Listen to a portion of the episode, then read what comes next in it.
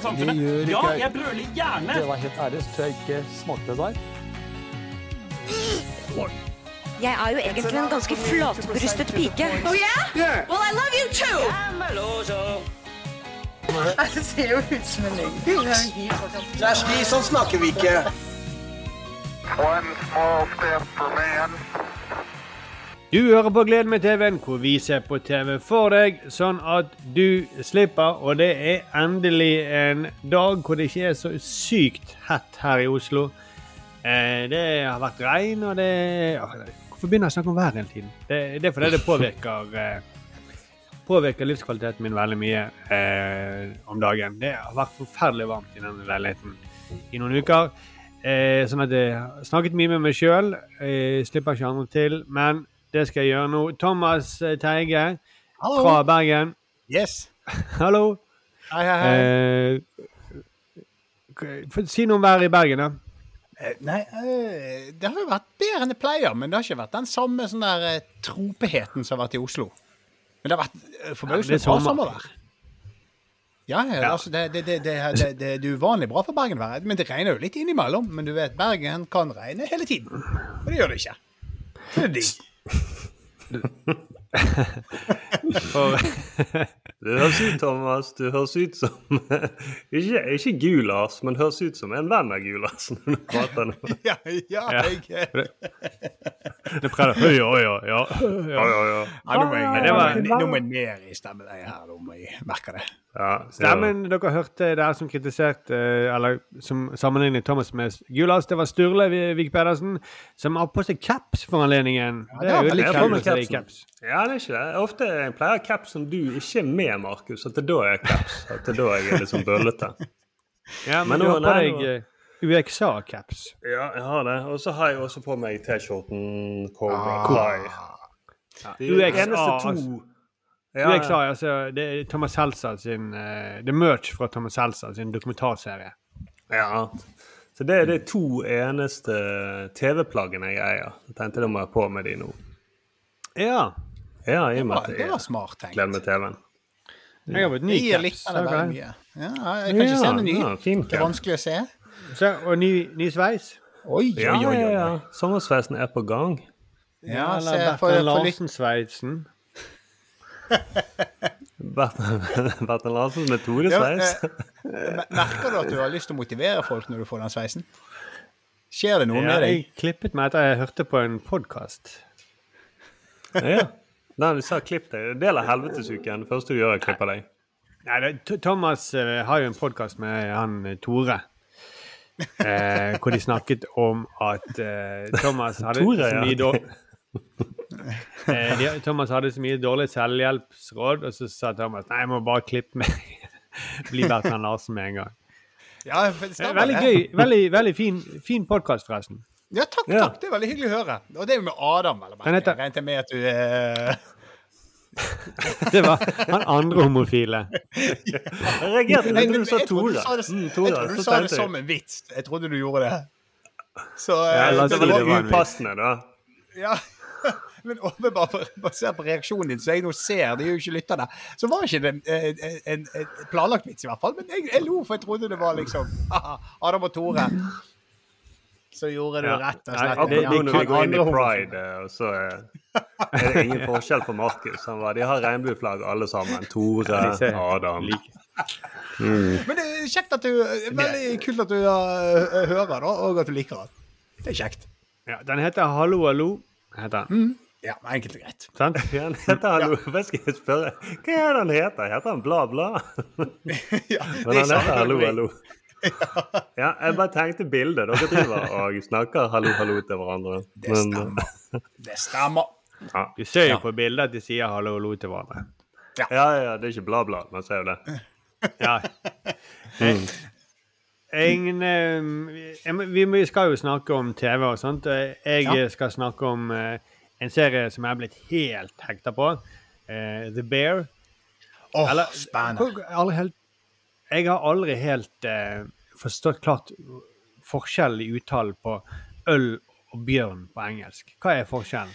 Kan dere hjelpe meg? Ah, Sturle, her må du trå til, for det, jeg vet ikke. Ja, takk. Grizzly bear. Jeg vet ikke hva Hvis du sier grizzly bear, polar bear, altså en bear Kanskje du går Ja. litt ned på e-bear? Like Litt beer. mer i på, på øl. Beer. Ja, Bear. Kanskje du går litt Nei, ned nå, på nå, nå, nå ble jeg bare mer forvirret. For jeg helt ærlig innrømme. Det her er Grizzly bear. Jeg, jeg bare Ja. husker at når jeg var i eh, New York, så var det sånn at eh, når jeg skulle for, fortelle om at vi hadde drukket øl og sånt, og så, så skjønte ofte ikke de andre Oh, you mean bear? Eller bear. Er det Eh, så- jeg sa de mean bear. Å, men jeg, Ja, det jeg, det. jeg, jeg skal innrømme at jeg blir av og til litt sånn usikker, og så ser jeg eh, eh, one Altså, da tar jeg liksom uh, Da går jeg på merkedrakk. Altså, jeg sier uh, en Heineken, for eksempel. da. Skjønner du? For å slippe og den Ein Bear, bear. Ja, nei, men sånn I had a, ba- I, I had a bear, I had a bear, så sier jeg I had a Heineken. Skjønner du hva jeg mener? Fordi at jeg blir så utrolig usikker på den Ja, men for det er bear, bear. Hvis jeg tenker for mye på det, så blir det bare. Det er ikke bra i det hele tatt. Men det er altså Kanskje litt flatere. Altså bear. One bear. Beer. Ja, jeg er enig. Beer. Men Men det- altså, det er sånn australsk. The bear. Man synes- Altså, det, Ja, hvis det er bear! Ja, sånn. bear. Det, jeg har i hvert fall sett The Bear. Oh, nei, Ja. jeg vil Som en bjørn. som Ja. Ja, jeg vil ha Sturle som engelsklærer. Med den Du spiller ut ordene på den måten der. Det, det, Ja. Ja. kan, kan vi få en When in doubt, you just Når du er i tvil, så bare spiller du ut ordene. Så må du mime. Yeah, I want a bear glug, glug, glug, glug, Ja. glug, glug, glug, glug, bear. Yeah, I want a bear. Glug, glug, glug. Driving crazy. Mm. Så skjønner du. Men det er rart, da, for det kunne, du kunne jo kjørt uh, crazy hvis du hadde en grizzly bear after you. ja. Ja, det er sant. Så det er vanskelig, det der. altså. Er Men du kunne ikke drukket den, da. Det er en helt ny type grammatikk. Altså. altså. hvis du hadde gjort det, så hadde du kanskje ikke hatt galskap også. Så hadde Ja, du hvis du hadde en drukket- grizzly bear i magen. Ja, Hvis du hadde drukket pisset til en grizzlybjørn, Ja, så hadde du sikkert også kjørt som en gal for å komme til sykehuset. Ja. Eller enda verre hvis du hadde drukket pisset til en uh, bjørnunge, altså en liten bjørn. Grizzly bear. Da Men en Bjørnunge kan jo òg være en øl. Ja. Ja, det er det det kan, egentlig. Ja, det er sant. Ole So snakker mye om det. Han eh, På Bergen sier man gjerne det. Ta en liten bjørnunge. Ja. Ja. ja, jeg føler Men jeg Hvis man da nå går på fotballpuben. Altså. Ja, jeg føler det er der går det. Ja, ja. Ja Men da. jeg, jeg er veldig spent på å høre dine tanker om den serien. Jeg har jo ikke sett den, så jeg, dette blir min sånn, eh, eh, sånn Skal se, skal ikke se. Så du trenger ikke avsløre nå. Ja. Nei, kan man si med en gang at du må se det. Men okay, eh, eh, Men det er ikke det så, Men det, uansett, eh, vi må ta opp igjen tråden fra uh, forrige sending. Fordi at du, du, snakket om denne I think you should leave, Thomas. Ja, ja, ja. ja, ja. Jeg setter Og så ferdig begynte jeg å tenke Har jeg sett det?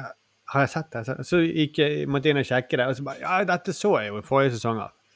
Ja. Uh, og jeg falt Jeg klarte virkelig ikke å se det ferdig. Eh, selv om du sendte meg sånne snaps, eh, i, Thomas, i, i denne uken her skrev det, Ja. det er fantastisk og sånt.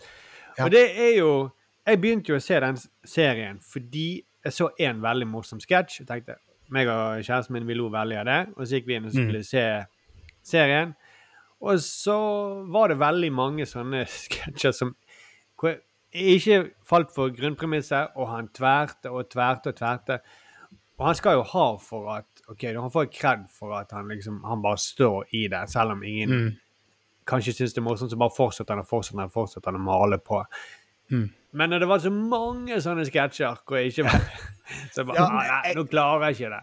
Men eh, kan jeg bare spørre, Begynte du på sesong én, eller var det sesong to? Hvor var du henne når du nå eh, tok opp tråden? Vet du det? Jeg var hjemme. Ja, ja men vi, vi, hvor Mm. Men hva, Greien er drakk du, eller var du i kontakt med grizzly bear? Nei, nei men, men, men du skjønner hva jeg mener. For det, jeg må si om den serien at jeg syns sesong én var ganske bra. Sant? Altså der, var- der var det flere sånn hit and miss, og det var eh, en del sånn her som trekker for langt ut. Sånn at jeg bare sånn, kom igjen, da. Bli ferdig med sketsjen. Sesong to syns jeg det er for mange av de, men sesong tre er mye, mye mer tro mot premisset. Er en person som er i en situasjon der han har feil. Og det syns jeg er veldig mye mer. Okay. Sesong tre er den absolutt beste. Den er òg kortere, men Og så er episodene kortere òg. Så det er, den er veldig, veldig uh, to the point. Eller ja, det er han ikke, for han har jo en tendens til å trekke det ut. Men det er mye mer eh, Eh, Ja, jeg, jeg, jeg syns det er cleanere og morsommere, rett og slett, i sesong tre.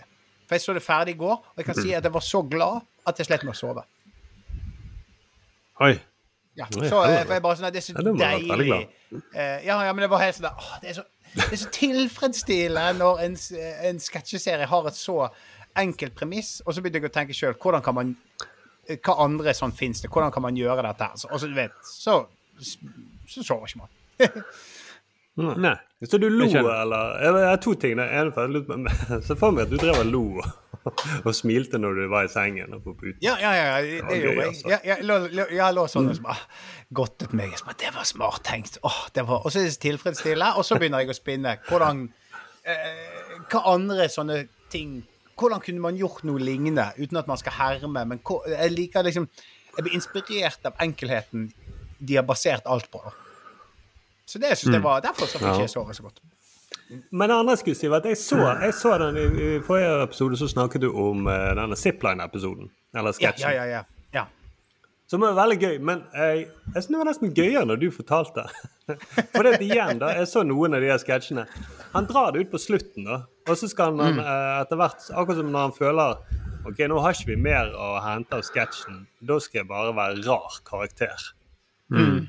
Og så skal, sånn er det på slutten eh, i den her eh, eh, nesten F-Boy Island, når de stemmer ut han her som bare er opptatt av Ja. zipline og ikke er opptatt av å bli kjæreste på en dame. Uh, så blir han på slutten der så blir han bare rar. Han bare lager noen rare lyder omtrent.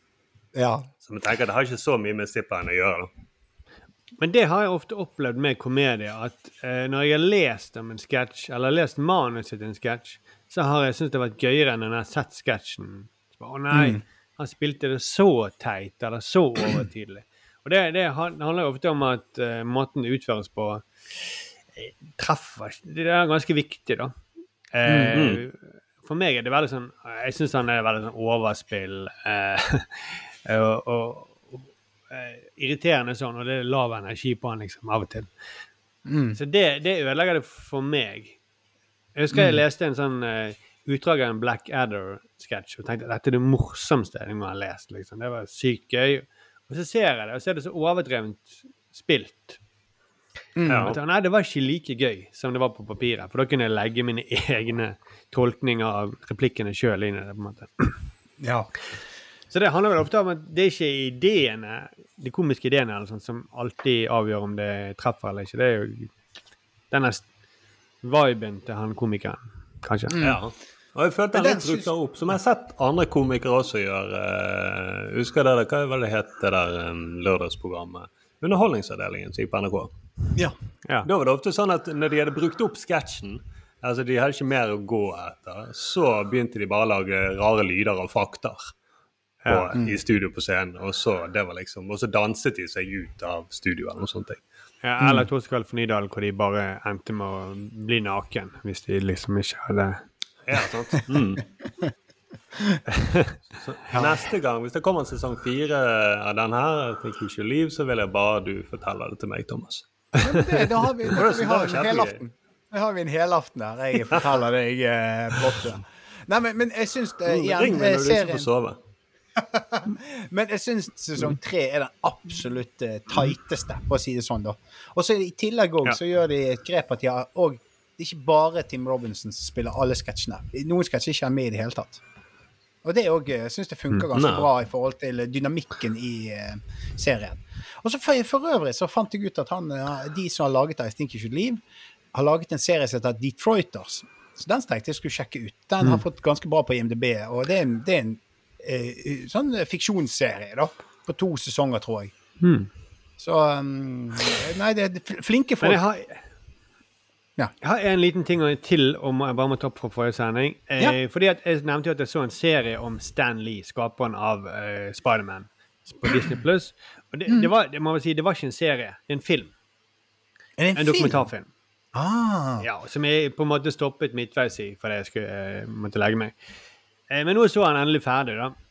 Og vi snakket jo så vidt om eh, Jeg tror Arild nevnte at det var en sånn konflikt med Jack Kirby, han ene tegneren. Jeg var ja. spent på om det var en greie ble behandlet i filmen. For dette er jo en film hvor Stan Lee får fortelle sin historie. Eh, han bare skryter av alt Marvel Hvor fantastisk Marvel er, og Marvels metode. Men eh, det er Altså Arild sa at For vi snakket om det var en sånn konflikt om hvem som laget Spiderman. Men det var ikke Den konflikten var ikke mellom Jack Kirby og Stan Lee. Det var, mellom, altså det var tegneren Steve Ditko som mente at han hadde vært med, og han, han som egentlig hadde skapt Spiderman. Og han, det, dette blir nevnt i filmen eh, ganske, ganske kort, da, men eh, han Ditko forlot jo eh, Marvel. Men det var også en enda større konflikt med han her Jack Kirby, og det handlet mest om hvem som skapte alle historiene. Hvem som var den kreative kraften av, i det samarbeidet mellom de to. Oi. Ja. Eh, fordi at eh, Altså, de, de samarbeidet jo, Kirby og Stanley. Eh, det var en sånn merkelig greie. De hadde så dårlig tid at Stanley, sånn som Stanley forklarte det, at han hadde ikke tid til å skrive ferdig hele historien etter hvert, for de måtte lage så mange. Så han bare skrev liksom De brainstormet litt, og så laget han noen sånne plot lines. Og så kom Så gikk han, Jack Kirby, og så tegnet han hele historien, sånn som han tolket det. Og så skrev han snakkeboblene oppå der. Stan Lee? ja, Stanley skrev. Stanley Ja. skrev det. Ja. Mm. Høres ut som en han ganske keitete prosess i forhold til å skryte av Marvels metode, men dette høres ikke veldig bra ut. Ja, det, grunnt, måten han, det han skrøt av, da det Han skrøt litt av dette her, for det var en sånn det, Vi fikk det til å funke, men det han skrøt mest av, var jo at alle de andre, andre drev med sånn markedsundersøkelser. Sant? At de fant, tenkte sånn eh, Så de, det var jo sånn En tenåring kan aldri være en, eh, en superhelt, Mm, nei, sa de det- eh, andre. Det, det, det er liksom bevist. Og så tenkte han Og så sier han vi driter i alle disse her formlene. Jeg lager det som jeg vil lese. Jeg, hadde satt pris på å lese en sånn serie da jeg var tenåring, det vet jeg. Så da lager jeg en sånn serie om en tenåring som er superhelt, og som har eh, andre tenåringsproblemer. Mm. Og, mer, og det han sa, for det, Poenget hans er at uansett hva tall man måtte ha Når jeg skal lage en serie, så kjenner ikke jeg de jeg skal lage serien. For det eneste jeg kjenner, er meg sjøl. Så jeg må jo bare lage noe jeg liker.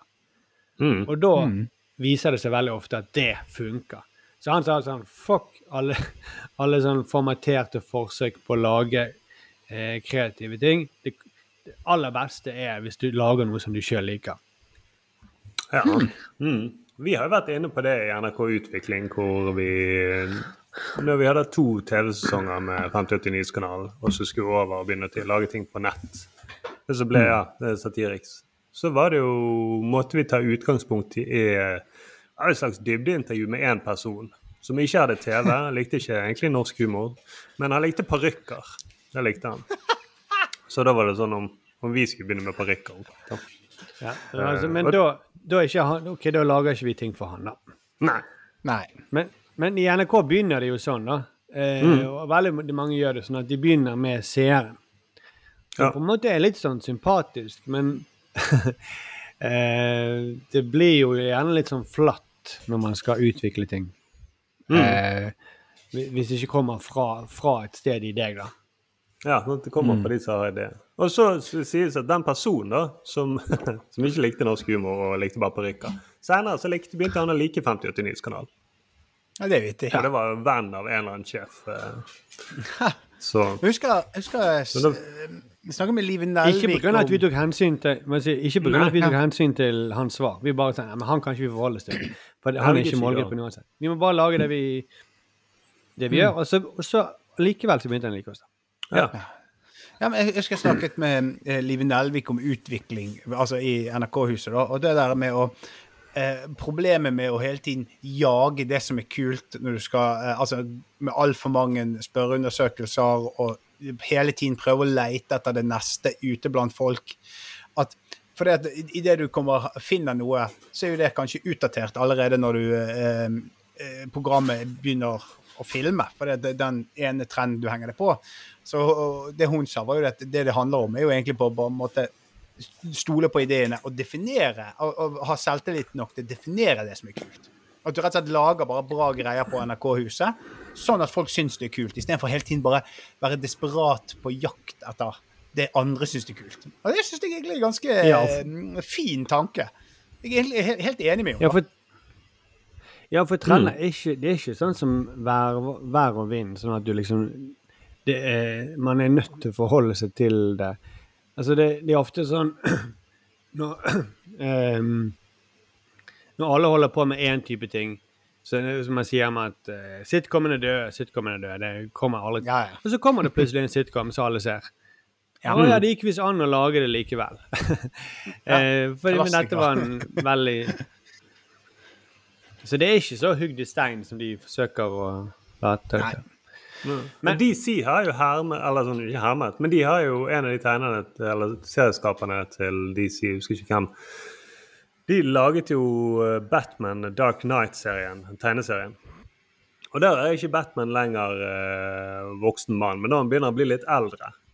Så han har noen mer svakheter. Han er ikke sånn eh, som en slags Supermann, da. Eh, Ja. Og det gjør han mer interessant, da. Og det tilfører mye mer i historien. Eh, Det var jo en del som klikket selvfølgelig av fansen, men senere har det blitt løftet fram som en av de beste Batman-tegneseriene. Ved at man har litt mer menneskelig enn bare en sånn endimensjonal karakter. Hmm.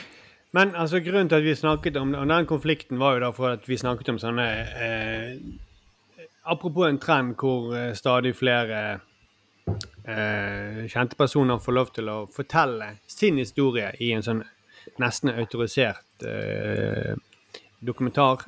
Eh, og det var jo litt tendenser til det i denne her, for det er Stan Lee som forteller og skryter om seg sjøl. Men den konflikten mellom Jack Kirby og eh, Stan Lee, den blir, jo gans, den blir jo behandlet mot slutten der. Og da er det eh, Du hører et sånt utdrag for det. De krangler seg på et radioprogram. Jeg tror det er Howard Stern eller noe sånt. Og det er ganske stygt og personlig. Og det, det lar de være med der, da. Og, Ja. og Stanley eh, han, han kommer ikke veldig godt ut av akkurat det klippet der. Og han, han svarer litt sånn unnvikende om den konflikten. Så det er ikke sånn fullstendig rosenrødt bilde av Stanley til slutt, men i det store og hele er det jo det. Men han får litt sånn flekker på seg på slutten av den dokumentaren. Nesten bare for å gjøre dokumentaren mer troverdig. Ja. Det er nesten Ja, det er litt sånn som å høre. siste episoden. Ja, men det gjør det siste episoden. Jeg så den der Arnold-dokumentarserien på Netflix. Den tredje siste episoden der som jeg ikke hadde sett i forrige episode, det var vår sending. Da eh, kommer de inn på da når han ble politiker. Men Ja. også, det er da også han har uh, utroskandalen og eh, skilles fra hun eh, Kennedy-ikonen. Da kommer det litt inn, for dette har jo han Hva er det han har jo skjult uh, Han fikk jo en sønn i 96 som han har holdt skjult helt fram til eh, 2012 eller 2011. Liksom. Oi, Så da, ja. så, så da kommer han litt fram at uh, Og da er- innrømmer han litt at han Eller han sier at han ødela det. Det var noe han Så han, han måtte leve med resten av livet. Men han har jo samtidig også en så, såpass steinansikt at jeg vet ikke hvor mye. Om han, han går én time ned er, i gymmen og trener det vekk. Hæ? Ja, han er ikke så preget av det. Nei, han, nei. Og så er han da litt med han unge sønnen, og de trener litt sammen. og sånn. Ja, men, men det virker litt som man putter det inn. For du sitter hele tiden og lurer på Masse skuespillere, Dan DeVito, alle de blir intervjuet i denne dokumentaren. Og du ser jo konen hele tiden med. Men hvorfor er ikke hun med? Eh, Ja. Så Ja, det er sikkert når hun ikke vil. Du mener når Danny DeVito er der, så Jo, men alle andre rundt altså han har jobbet med, så er det så veldig Og de er jo bare litt grann med i uh, Twins og andre, og James Cameron og sånne ting.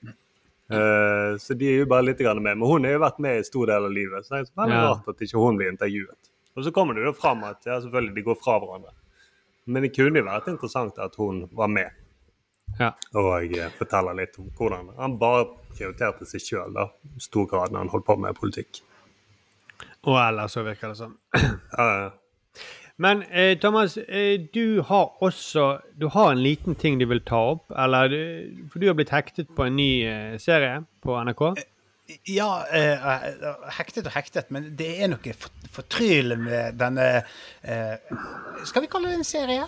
Jeg vet ikke helt hva vi skal kalle det. Men denne her eh, eh, skal, Han heter jo da 'Direkte fra ørneredet'. Har dere fått Ja. med dere? For, Det er er kamera. Jeg skulle ønske jeg kunne gi det veldig mye, men de har altså satt et kamera på et, ørne, på et ørnerede. Og så bare livestreamer det. Jeg, jeg, jeg tror ørnen har lagt egg. Eh, Jeg tror det er så greien. Jeg, jeg kom uh, har et inn i dansen. Uh, Ja, jeg, jeg, du har et klipp eh, med ja, jeg har et klipp her. Skal, se. skal jeg spille det for dere?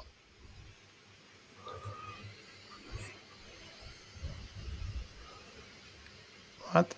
Det- vent. Hvorfor spiller han ikke, da? Det ser veldig gul ut. Han Han vil bare De jeg har, eh, knappene det er på spannet til Indigo. eller? Egg og rømme. Mm. eh, Jeg vet ikke. Nå kommer det selvfølgelig en teknisk feil. Nei, faen. Hva skjer her, da? Det ligger oppe i fiolinkassen. Er det det, Thomas? har. Sånn. Står Marianne. Oi! Hvorfor ser du Nå, rundt? nå, nå, nå, nå, nå eh, Tekniske problemer her. To sekunder. Ja, det var lydknappen som ikke fungerte, Tom. Løp han ned trappen? Løp ned trappen. Oi, det er det skikkelig tekniske problemer. Det det er du han- P- P-anlegg i første etasje som eh, begynner å ryke. Prøver OK, nå har det skjedd igjen. Sikringsskapet på vei ut døren. Jeg må ned og stoppe det. Hva er det som skjer hos Thomas? Ja. Veldig rart at det liksom tar av seg headsetet og beiner ned trappene. Han skulle spilt Han skulle spille av et klipp fra telefonen. Ja. eh, Lydklipp fra og Er det noen som har Kan det være noen som har stjålet okay, det er min teori, da. Noen har stjålet telefonen hans, eller byttet mm -hmm. om med en sånn dummy-telefon. Og nå Ja. var de på vei liste seg ut døren med den ekte telefonen hans. mm. Så det løper jeg. han ned for å stoppe det. Ja, det tror jeg veldig godt. Eller så tror jeg Han har jo en katt som er begynt å bli litt gammel, litt surrete. Katten kan ha pisset i sikringsskapet. Og så hører han... man Men alt annet Men telefonen er ikke koblet til sikringsskapet. Nei, det det er sant. jo.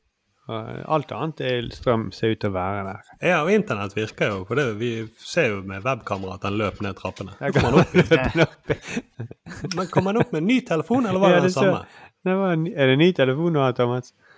Hæ?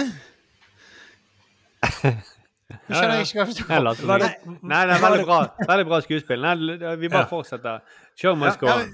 skal, jeg, skal, jeg bare, skal vi bare ta sekvent Det så Jeg hadde koblet uh, streamet den ukens snakkis, da. På TV nede, så plutselig begynte det det ørneskrik nede i eh, stuen her. Og så når jeg tok det av, så ble det sånne musikkvideogreier eh, som står på Så det var kaos. Det, det, det, det, Dette er kjempefint, Thomas. Det, Det forklarer- dette er frampeik på hvordan vi alle mennesker kommer til å ha det etter hvert. eh. ja. Men skal vi ta hele segmentet på nytt her, da? Nei, nei, bare fortsett du, Thomas. Dette er gull. Vi, vi, vi bare lurte på Nei, vi syntes det var så gøy at du skulle spille av et lydklipp på telefonen, og så sier Ja. du 'oi, tekniske problemer', og så løper du ned i en etasje. Ja, det skjønner jeg. Beiner, altså. Det var ikke sånn at du bare Nei, bare ta den lille ledningen, skjønner du. helvete. Ja, Nå men løp ned hørte dere, hørte dere uh, uh, musikken som kom på? Nei. Eller- Nei, jeg jeg trodde jeg hørte en katt som fikk støt. Ja, for først så jeg, for jeg har på meg headset. Så når jeg da tar av meg headset, så Mhm. hører jeg den der eh, ørneredelyden s- stå på full guffe på TV-en i underetasjen her. Og så når jeg da stopper klippet her, så kommer jeg rett på så, så har jeg, jeg vet ikke hvorfor Samsungen står på en sånn musikkvideokanal. Det En sånn livekonserter fra tidlig 90-tall. Det er det som går hele tiden. Sånn Phil Collins live. Og så bare dyrte det det på her.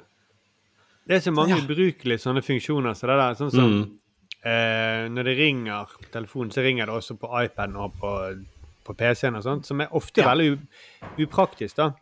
Ja. Eh, hvis du skal eksempel eh, sitte inne med telefonen eh, eller med iPaden når noen skal, skal sove i sengen ved siden av, og så plutselig ringer. Så har du telefonen, lyden av på telefonen, men PC-en durer, liksom. Mm. Eh, men sånn som det verste eksempelet var min eh, datter. Hun, på lørdagene så pleide det ofte å være det var meg og hun alene en lang periode, for da jobbet mammaen på dagen. Så da bare ga jeg en iPad. Eh, og da eh, i, lå han i sengen, og så tok hun masse bilder av meg i bokseren. liksom, I veldig sånn lite flatterende posisjoner mens jeg lå der og sov. Eller så ha- halvvåken, drakk kaffe. Og det, det, var, det var liksom gjennom mange uker så samlet det seg opp, liksom sånn. Eh, og de dukket jo opp på Apple TV-en hver gang eh, den gikk i dvale. Som, Så er det de istedenfor sånne eh, naturbilder og uh, skyskrapere. eh, som skjermsparer. Og det er jo 17 år hvor vi lo av det. Så glemte vi det hver gang vi hadde besøk. Og så så de, så de på et eller annet. Jeg husker spesielt min niese som da var 18, tror jeg. Hun skulle passe eh, eh, Sanna, min datter.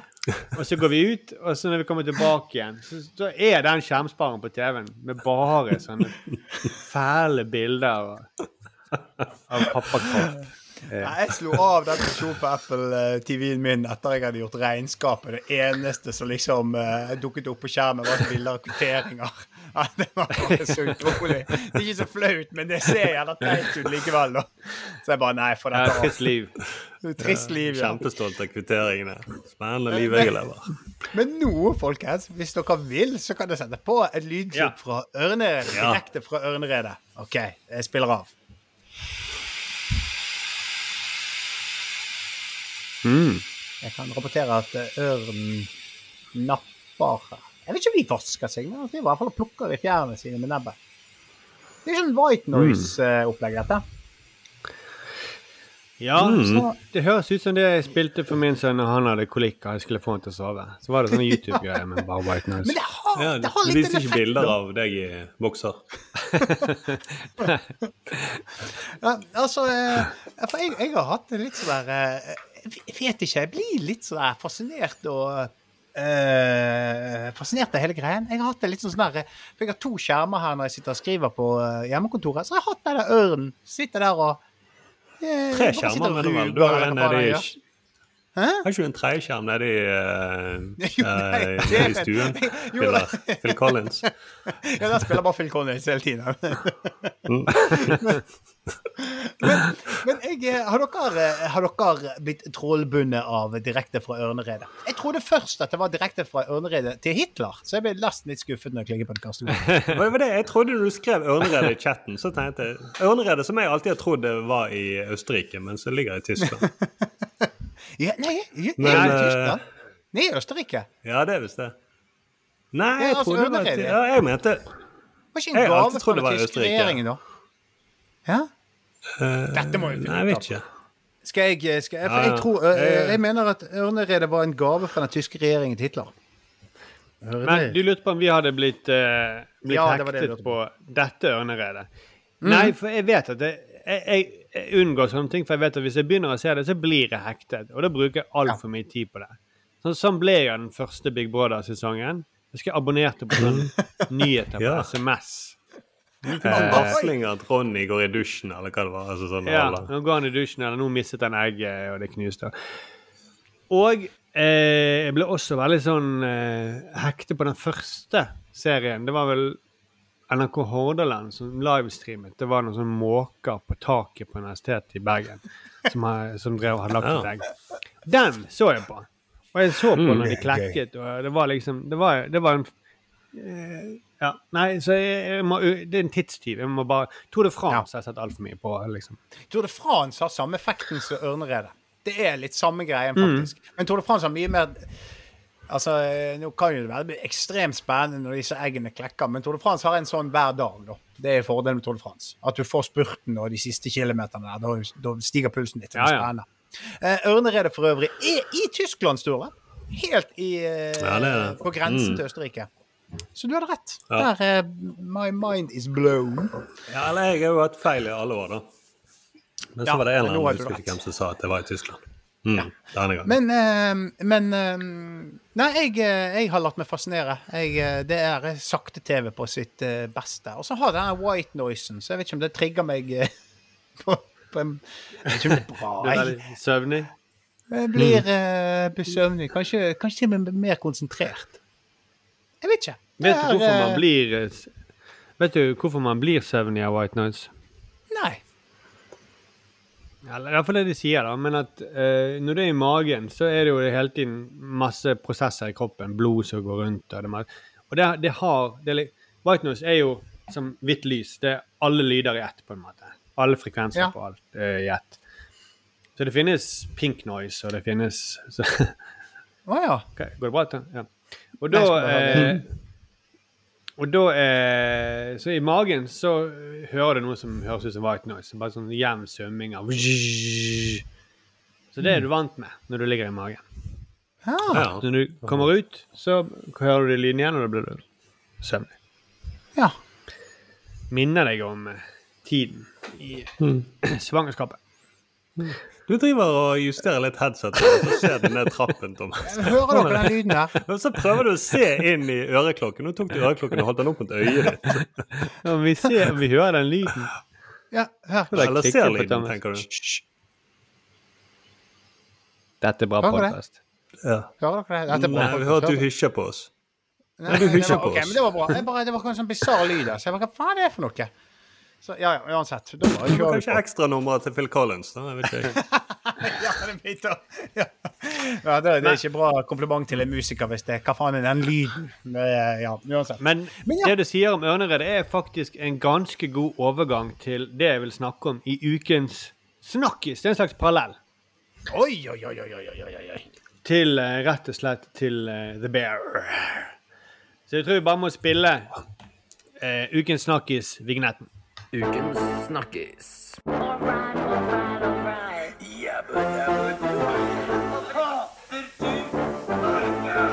Tacofredag. snakker uansett hva han sier. Ukens snakkis. Jeg har altså sett The Bear, og det er um, Synd ikke Arild kunne vært der i dag, for han hadde, han hadde lyst til å snakke om den. Vi har ikke snakket om det ennå, men Arild er jo da på sånne viktige sjefsting i NRK, da. Han er sjefer rundt. Han hadde ikke mulighet til å være med. Så sånn er det. Hans loss. Mm. Ja. ja. Han får ikke med Eh, seg noe. Men dere har hørt om den eh, serien The Bear? Ja, Ja, jeg har hørt litt om han, eller sett bilder eh, av han i kokkekostyme, og så skrives det at dette er en bra serie. Ja. Det det. Men omtrent det jeg visste også, og så visste jeg at uh, episode syv var veldig spesiell. Der det er plukket opp på sosiale medier. At Det var Ja. liksom en veldig bra, kul episode. Hvor mange episoder er det? Jeg visste veldig lite. Åtte. OK, ok, ok. Ja. Hovedpersonen eh, jeg visste veldig lite da, eh, om dette. Men mm. hovedpersonen, Carmy, eh, spilles av Jeremy Allen White, som da eh, Han har spilt i Shameless, den amerikanske Shameless, i mange år. Og eh, Ja, et par andre. Eh, men det er altså da en. Han er jævlig flink. jeg må bare si han er jævlig flink. han. Det er usedvanlig eh, rik serie. Det er veldig sånn enkelt eh, eh, format, men eh, samtidig er det veldig sånn komplekst og rikt manus. Så det åpner med at vi møter Carmi som driver en italiensk restaurant i Chicago. Det er sånn working class eh, nabolag. Det er en sånn liten restaurant, altså en sånn diner heter det vel eh, i USA, sånn, eh, som heter The Beef. Og Karmi han sliter med å betale regninger, han sliter med å få kjøpt eh, råvarene han trenger til dagens måltid før de skal åpne den dagen. Han sliter med å få- kjøpt nok eh, kjøtt og grønnsaker og sånn fordi de, han prøver å forhandle og prute, for han har ikke penger. Og det er sånn enormt driv fra liksom sekunden. Det bare kastes ut i hans stress for å klare å åpne restauranten og klare å få eh, nok mat. Eh, så det er en kamp mot klokken og en mot kreditorene. Det er action, og det er spennende. Eh, til tider eh, litt stressende. eh, så jeg er sånn Å, herregud, jeg klarer ikke syv episoder sånn til. For jeg, sånn er jo mitt liv innimellom, føles det jo litt. Eller mine drømmer iallfall. Jeg er veldig sånn Å, herregud, jeg må huske det og det. Ja, det er helt Eh, heldigvis er ikke hele serien sånn. ja, bra. Nei, det er ikke. Eh, Bare et par små spoilers. Dette er ikke små, for dette står alle andre steder også, da. Eh, Men du forstår etter hvert at Carmy nettopp har tatt over denne restauranten fra sin bror, som er Broren er død. Eh, og for får du altså etter hvert også vite at han broren har tatt sitt eget liv. Og Carmy må da rydde opp etter broren, og det er hele tiden et sånt spørsmål i serien. Altså, hvor stor drittsekk var egentlig han broren her? Han drev med narkosalg, han dealte med kriminelle, eh, han var sjøl narkoman. Samtidig så viser det seg broren hadde masse gode sider, og han var veldig sånn elsket og varm fyr. Og så får du også ganske tidlig hint om at han Carmy er en jævlig god kokk. Eh, det viser seg at han, han var kokk på verdens beste restaurant i New York. Og da er det et annet spørsmål som hele tiden lurer. Hvorfor forlot han den jobben og driver denne her bitte lille dineren, og han klarer nesten ikke å få det til å gå rundt? Og, og så forstår du etter hvert igjen da at han forsøker å pimpe opp The Beef, den uh, dineren. Forbedre menyen, lage bedre rutiner på kjøkkenet og liksom uh, For han har vært helt der oppe, og så skal han liksom Så er det bare en gjeng med Det er jo sånne working class-folk som uh, har, har jobbet der i alle år, så han skal prøve å lære opp på kjøkkenet. Så han er litt sånn Hellstrøm rydder opp, altså. Nei, jeg skal ikke si det. På en måte, ja. Da trekker vi ned serien. Sorry. Eh, men det er vanskelig, da, for dette er en familierestaurant som har vært i altså Det startet av faren til Carmy og han broren. Eh, og det er et stamsted hvor gjestene er vant til hvis sånn sånn skal det være. Lunsjen skal være eh, slapp spagetti. Eh, som han prøver å bytte ut og sånt. da. Eh, og det er mange tradisjoner knyttet til denne, dette stedet. Men han begynner da sakte, men sikkert å lære opp de som jobber der, å lage skikkelig mat. Og, når skal, og så får han til slutt innføre noe som heter eh, eh, brigade, altså The Brigade, som de kaller det for. Som er et sånt system eh, som de har på de beste kjøkkenene. Og det er, og et kjøkken, lærer vi, det drives litt som et militær skvadron. skvadron. Bare sånn sånn sterkt hierarkisk. Eh, alle svarer 'yes, chef' eh, når de får en ordre. Det er veldig mye sånn kjefting og hersing. Så, sånn som det er på en, en båt. At eh, nå, nå, er, nå alle kluter til, nå må du der. Og så er du helt forbanna idiot. Eh, du må alltid smake på sausen før den skal ut. Eh, og så er liksom serien en slags kritikk av dette her systemet, da. Eh, for det, det får på en måte ikke fram det beste i folk. De kveler på en måte personlig eh, initiativ. Det, det er mange av de som jobber der som blir veldig sånn inspirert av det å lage, lære å lage god mat. Og så får de mange ideer om hvordan de skal gjøre det annerledes. Og så blir disse ideene kvelt av den brigaden. Eh, fordi at de må innfinne sin plass i rekkene. De, det er ikke de som er sjefene skal foreslå nye retter. altså. Ja. Nei, men det er litt ja, vel, ja, det, det, Jeg leser litt om nettopp det med kjøkken og militæret. Og det er spesielt den spesialiseringen at noen har sin faste ting. At de bare lager saus, f.eks. Det er bare Ja. deres oppgave. Litt fordi at før, visstnok, da Problemer å få all Når du lager mat, så er det vanskelig å få alt ferdig på samme tid. Mm. Sånn at du kan ikke drive og steke kjøttet eller la det hvile for lenge sånn at det blir kaldt. Uh, fordi at du må vente på potetene, eller omvendt. Og Så det på er jo en veldig måte funker det jo sånn, men ja, det har jo sin andre side, da, hvis det kveler kreativiteten også. Ja, altså, det, er jo, det er jo det som skjer. Han ene som blir besatt av å lage den perfekte donuten. Eh, og leser Ja. om det. Og sitter, han sover til og med på kjøkkenet bare for å kunne stå opp tidlig og begynne å forske på det. Hans, hans prosjekt blir jo da Gjør jo at plutselig er ikke han klar med desserten når han skal være. Og det gjør at alt Mm. annet faller sammen. Eh, men da får han så sykt mye tyn for det. Eh, at da bare Fuck it, da gir opp. Dette var jo plutselig han har fått en mission i livet. Han skal lage den perfekte donuten. Og han er endelig flink til noe, å lære seg opp. Lære seg noe liksom fra grunnen. Så det er jo et slags sånn eh, ekte dilemma som eh, på serien også kritiserer litt De finner en slags mellomting til slutt, da. Ja. Det er jævla mye, jeg, jobbet, jeg, bare si, jeg jobbet litt på kjøkken, og det er jævla mye kjefting der. Mm. Helt, altså, helt sånn parodisk kjefting. uh, ah, som gjør at Hva sa du? Hvor, hvor Nei, jeg jobbet i, eh, på SAS-hotellet, Bryggen uh, på SAS-hotellet der. Så hadde jeg restaurant der. Ja. Så jeg var inne og i skrubben, og så var jeg litt med etter hvert når jeg var så syke, så måtte jeg være med og lage litt mat. Men det er helt parodisk kjefting. De kjefter hele tiden. Så gjør at de som er lærlingene og sånne ting, blir jo jævla forbanna. Så de hater jo egentlig de som er sjefene. Mm. Og slenger jævla mye drit om de. Så jeg tenker da at hvis du har den holdningen, så er det ikke sikkert at du gjør ditt beste. Ja, Altså, og du sånn, mister litt eierskap til hele liksom, prosjektet, da. Da Mm. blir det bare liksom eh, sjefens prosjekt.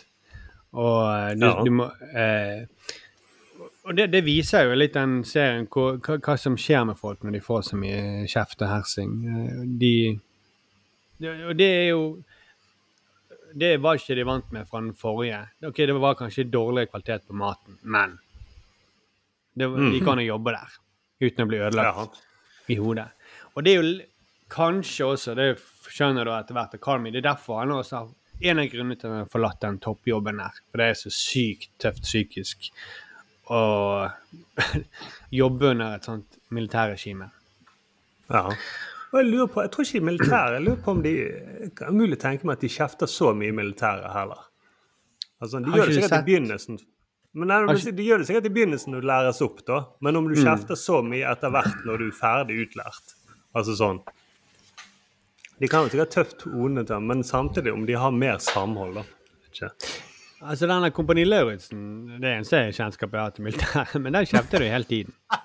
Ja, det kjefter de, men det, det, men det, lurer på, det er jo begynnelsen for å lære de rutinene. Altså sånn, Da de kjefter Ja. på måte, da. Men Men- men det- på Den samme type herse, hersingen som det Du ser liksom på Når han tenker tilbake på hvordan det var å jobbe på den her eh, eh, Den her fancy restauranten. En sånn type hersing er det jo hele veien i Kompani Lauritzen. Ja. Eh, og det er det er jo Bryte de ned.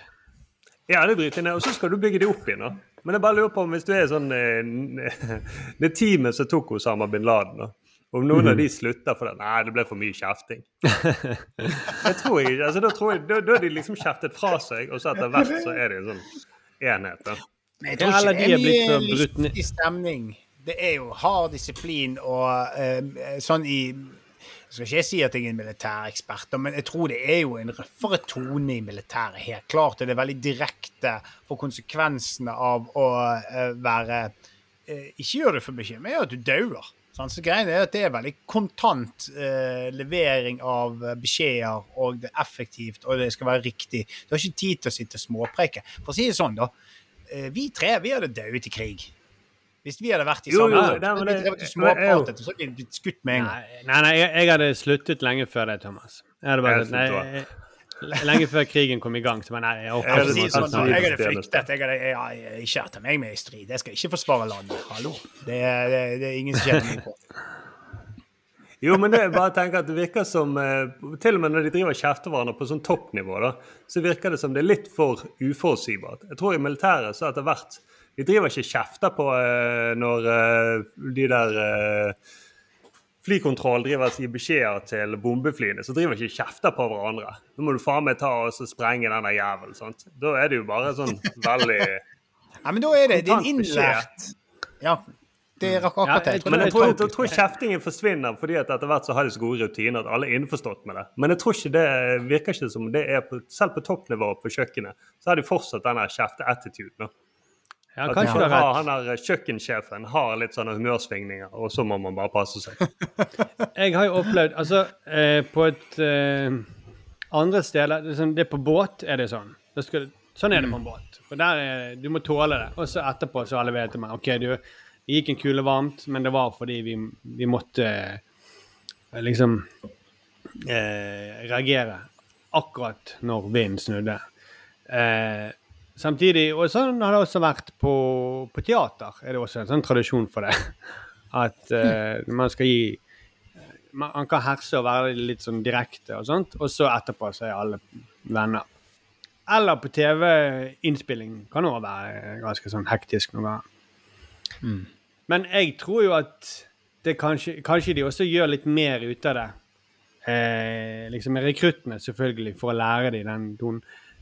Men jeg tror eh, de som er igjen, de som drepte Osama bin Laden, det er jo de som tålte den kjeftingen. Og så har lært seg å leve med den. Jo, jo, jo. Men, men jeg tror ikke de kjefter under oppdraget. Eller eksempel NASA, da.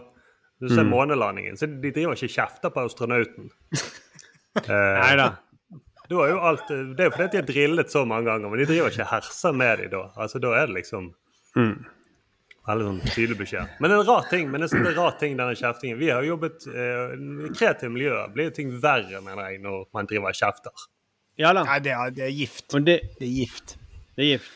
Og det, det er jo uh, vanskelig å unngå noen ganger. Uh, når, det går, når det er deadline og sånt. Men Ja, ja. her, og her, her er det jo veldig tydelig at dette som skjer, da. At de, de ødelegger det kreative og uh, eierskap og sånt. Men eh, det, det er, dette er jo bare en liten eh, ting. Den, den serien handler om veldig mange forskjellige ting. Men det er en av de mange tingene som den serien handler om. Det har blitt en sånn her eh, debatt i USA jeg, om, om hvordan, man, eh, hvordan kjøkken drives og sånt. I etterkant av det. Men det er en eh, veldig sånn skitten, usminket serie fra det skitne livet i Chicago. Eh, det er håndholdt kamera. 20-30 minutter lange episoder. Åtte episoder som bare flyr av gårde. Eh, Og nesten alt foregår inne på kjøkkenet eller bak disken eller ute i bakgården hvor de driver og røyker. Du får nesten ikke se selve restauranten eller byen utenfor. Så det er sånn psykologisk kammerspill mellom de hovedpersonene. Og noen ganger er det nesten en farse. De, de løper inn og ut av dører, og det er nye, eh, og det er nye problemer og sånt. Så det, det står jo at det er komedie slash drama. Eh, jeg vil si det er en dramaserie, men det er noen veldig mange morsomme scener innimellom. For eksempel, det er en eh, veldig, veldig gode typer. En, en som heter Richie, som er en sånn god komisk figur. Han er en slags, en slags fetter av hovedpersonen Carmi. Uklart helt hvordan han passer inn i familien. For de andre italienere det, men han, de sier at nei, du er ikke italiener, du er polsk. eh, selv om han oppfører seg som en uh, sånn amerikansk italiener. Og han er en jævlig irriterende fyr. Altså Sykt irriterende. Eh, men samtidig, så akkurat når du virkelig begynner å hate han, så plutselig viser han en annen side. Han er sånn varm, omsorgsfull, hjelpsom, viktig for restauranten. Eh, og, eh, men han fungerer både som en sånn her motstand, eh, som hele tiden sier han, han har vært der hele tiden, så han vil ikke forandre på noen ting. Og så fungerer han som en sånn eh, comic relief. da. Jeg har tatt med et klipp fra når han Ritchie har et sånt eh, jobbintervju eh, med en eh, kompis. I graduated high school. Good start. Be serious, man. I'm being serious. What might you bring to the beef as a new employee? I got hearth. What's hearth? Hearth I'm nervous, man. I got heart. Ah, you're gonna need brain. Now, do you have any I special graduated skills high or school. abilities Good aside start. from being a Be fucking serious, stroke? man. Well, A, I'm being I'm not serious. stroke. What might you bring to the B, beef as a new good on the employee? No, A, you I got hearth. And B, no, you're What's not. hearth? Well, A, yes, I and am. Nervous, B, man. I joined the I jazz heart. fusion Ah, class, so you're gonna in need your brains. face. Hey, I've heard you now, do you have any special skills or abilities aside from being a fucking and say it's a stroke? fuck Well, that you A, play I'm not a fucking I'm a. And I'm a nice B, guy. I'm really good on the keyboard. No, a A, you vibe. are. And B, no, you're not. Well, A, yes, I am. And B, I joined the jazz fusion class, so in your face. A, I've heard you fucking play and you're fucking terrible. And C, it's a fucking restaurant. Why do I give a fuck that you play the keyboard? I'm a hard worker. I'm a nice guy. I got a great vibe. Fuck your vibe. Don't ever fuck my vibe. I swear to God, I will fuck anything. Men dere kjenner litt tonen, da? You are not Jeg nice. You will not fuck me. Jeg lurer veldig på om det Sånn går de hele. De, de er veldig sånn tøffe i trynet med hverandre hele tiden. Eh, og de er småvittig og sarkastisk og ironisk og stygge med hverandre. Eh, Du Eh, anbefaler denne serien, altså? Forstår Ja, sånn? og høydepunktet er altså episode syv, Mm. eh, som jeg hadde lest om. Og det er altså en 20 minutters sykt intens episode hvor alle liksom historielinjene Det er veldig mange historielinjer. De krasjer sammen i én stor Oi. greie. Og jeg så den, og så var det bare sånn Pju! Fy faen, dette var fett. Det var liksom en sånn skikkelig Åh. ride. Men hvordan, eh, Eh, hvor lang er episoden? Er det 20 minutter? Ligger de på halvtimen, eller? er Jeg må liksom bare fortelle om det. Ja, ja, unnskyld. eh, Ja, det er 20-30 minutter. Ja. Eh, Hva type kamera bruker de når er det hvitballongtett? Uansett. Mm. Men det var bare sånn Faen, dette fett. Jeg skjønner hvorfor de prater om den episoden. Så leste man etterpå, da. Og så da leste jeg at hele den episoden, den er one take. Nei. Eh, og jeg merket ikke at han var det. Jeg bare merket at han var en sånn uvanlig intens episode. Han skiller seg veldig ut, da. Og det er jo nettopp sånn intensitet du kan få av one takes, hvis det er, det er jævlig bra gjort. Eh, det, for det er jo bare på i det trange kjøkkenet hvor de løper hit og dit. og Han kameramannen må jo ha eh, Jeg måtte bare se det på nytt igjen for å se. Herregud, så det er han eller hun, da. Jeg vet ikke om det er han eller hun. Må jo ha koreografert det der så sinnssykt bra. Og snike seg mellom alle de der og fange opp de riktige tingene. Eh, det er også en scene i episode åtte hvor en sånn, en, det er en monolog. der Carmy er på et slags sånn AA-møte. AA-møte, altså en møte for pårørende av misbrukere. Og da snakker han, han som sånn monolog han har til forsamlingen og forteller om sin bror. Og det er en så sykt bra, intens eh, scene. Eh, men det er bare han som prater. Og så slår det det bare at Hei, det er ingen klipp her. En syv minutter monolog som er bare liksom veldig godt spilt og veldig medrivende. Men så er kameraet Det bare hviler helt tett på ansiktet hans. Og ingen i denne serien har sminke, og sånt, så du ser liksom alle porene hans. Det er ganske sånn, folk er litt, litt sånn som i Kids, hvis dere husker den filmen. Mm. Alle er liksom litt stygge og slitne og sånt. Eh, Nei, det er ikke de pene Hollywood-folkene som Nei, og det er ofte sånn de filmer eh, Det er motlys. sant? Du, du kan nesten ikke se personen, for det er så mye lys bak han og sånt. Um, og de kutter av toppen av hodet hans. Så det er bare liksom øynene og nesen og munnen som du liksom ser i syv minutter. Og så tenker du ikke over det. For det er så jævlig intenst. da. Og det er jo fordi at det, dette er jo sånn ting vært en sånn kjepphest for meg i mange år. Det er to måter å lage intensitet på, iallfall. Sikkert flere. Men, det- men det ene er raske klipp. Masse, det kan vel bli veldig intenst. Og det andre er ingen klipp. For da blir det veldig sånn autentisk intensitet. At det blir sånn som Sånn er det på ekte. Eh, litt sånn som Min kjepphest har alltid vært at uh, hvis det skal være en awkward moment i en komedie Ikke klipp, for da ødelegger du intensiteten. I spenningen i, i den situasjonen. Da blir du rykket Mm. ut av den. Så Tarantino har jo veldig mye av det eh, i de litt sterke scenene. Så holder jo han bare kameraet. Når han, når han Michael Madsen skjærer av han øret i Reserva Dogs. Det er jo one take. Hele denne der intense dansen han har foran han, til han går liksom og kutter han. Det er for å gjøre det øyeblikket sterkere. Så episode syv, Mm. når de fant ut at det skulle one take, så skrev de den om. Ok, dette må være one take for å beholde den intensiteten. Så skrev de den bare om sånn at den passet til det, da. Kult. Eh, og det er ja, det er li Apropos ørneredet, da. Det hadde ikke vært så kult å klippe opp ørneredet med en highlights. Nei, det tror jeg ikke. Med musikken Men, til Phil eh, Collins. Og, Ja, Ref, eh, forrige episode, hva terningkast gir du uh, The Bear? Ah, jeg klarer ikke å gjøre det, men uh, det er noe av det beste. Altså. Det, det er kanskje det beste jeg har sett på TV, altså. Det er, Oi! ja, det er jækla bra. I hvert fall det beste. Det er lenge siden jeg har sett noen så bra TV-serie. Ja, Sterke, så det, det får en si. Den, den, går, den i på sommer. den går på Disney Pluss. Ja, Eh, andre sesong er nå sluppet på Hulu i USA. Og blitt en stor snakkes der òg, andre sesong. Han har satt en sånn eh, nedlastingsrekord. Det har aldri vært så mange som har sett premieren på en sånn Dette er FX som har laget det. På et FX-program. Mm. Jeg vet ikke hva det betyr, men om det er FX er kanal, det er de som har It's. Always Sunny in Philadelphia. Mm. Det er eget det, det, det mm. Og. Atlanta har de også. Ja. Men av en eller annen kommer ikke den her til Norge før andre sesong før 22. august. Jeg vet ikke hvorfor, men uh, Mm. En siste Ja. sånne ting jeg vil bare si om den serien. Den er mørk, sånn som mange. Uh, Men veldig mange andre sånne serier fra livets skitne side, de, sånn The Wire og sånt, da. den er ikke sånn. Den, den er faktisk en feel good-serie.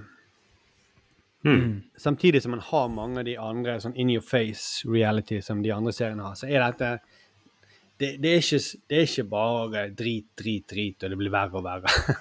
det er ikke håpløst. Nei, Det er, ja, det er litt veldig mye fint.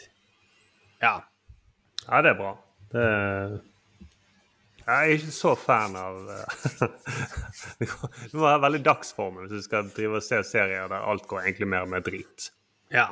Ja. At du ikke ender opp med noe håp. Og det med stress. Jeg klarer ikke å se liksom, en sånn stressende serie i mange episoder. Det blir sånn ah, Dette har jeg nok av i mitt daglige liv.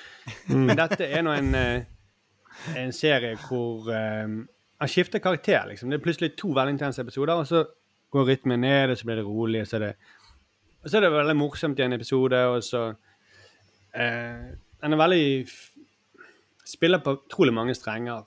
Og så er det litt sånn blanding av hva er drøm, hva er virkelighet. Han drømmer mye. Det er mye sånn symboler i denne serien, da, som de er de fleste gode serier. The Bear, hva er The Bear in eh, Er det en øl? Er det en grizzly?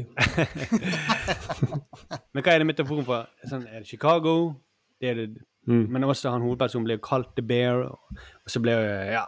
Altså, det, det er mange Er det, det er hans indre demoner som slippes løs? Det, ja. Mm. Er det ja, sånn bull and bear? Er han bearen som river ned ting?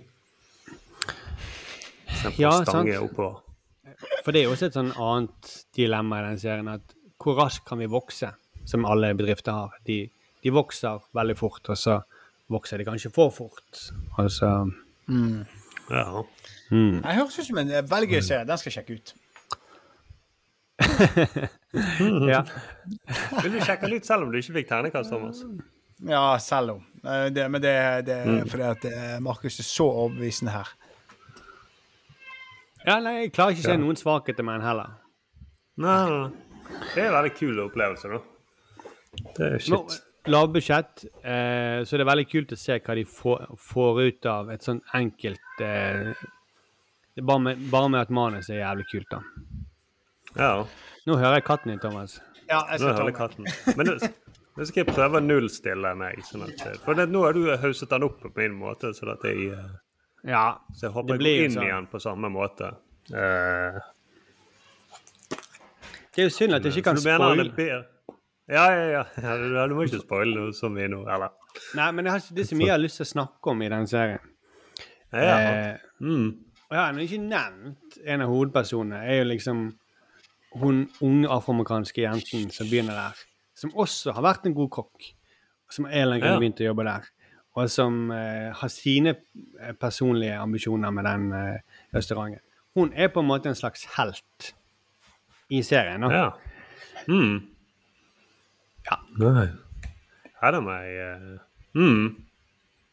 Ja, Jeg gleder meg til det. skal jeg se den i sommer. Ja, det er gøy. Uh, og veldig sånn ja, Veldig bra. Ja, og så likte jeg eh, Jeg likte også Et selling point for meg var jo òg at episodene var ikke så lange. Nei. Og det merker jeg jo mer jeg eh, hvis hvis Nei, det var en og en halv time. Så åh, Hver episode. Mm. Da må det være veldig bra. Hva serie var det? Eh, Nei, men det er ofte de der, den ene sci-fi-serien. Den var jo den var langt over hvert eh, Hver episode var langt over en time. Ja, ja. Og de siste Game of Thrones-episodene også er jo kjempelange. De er jo å være spillefilmer omtrent. ja. Da blir det for lenge. OK. Det var ukens uh, snakkis. Ukens snakkis.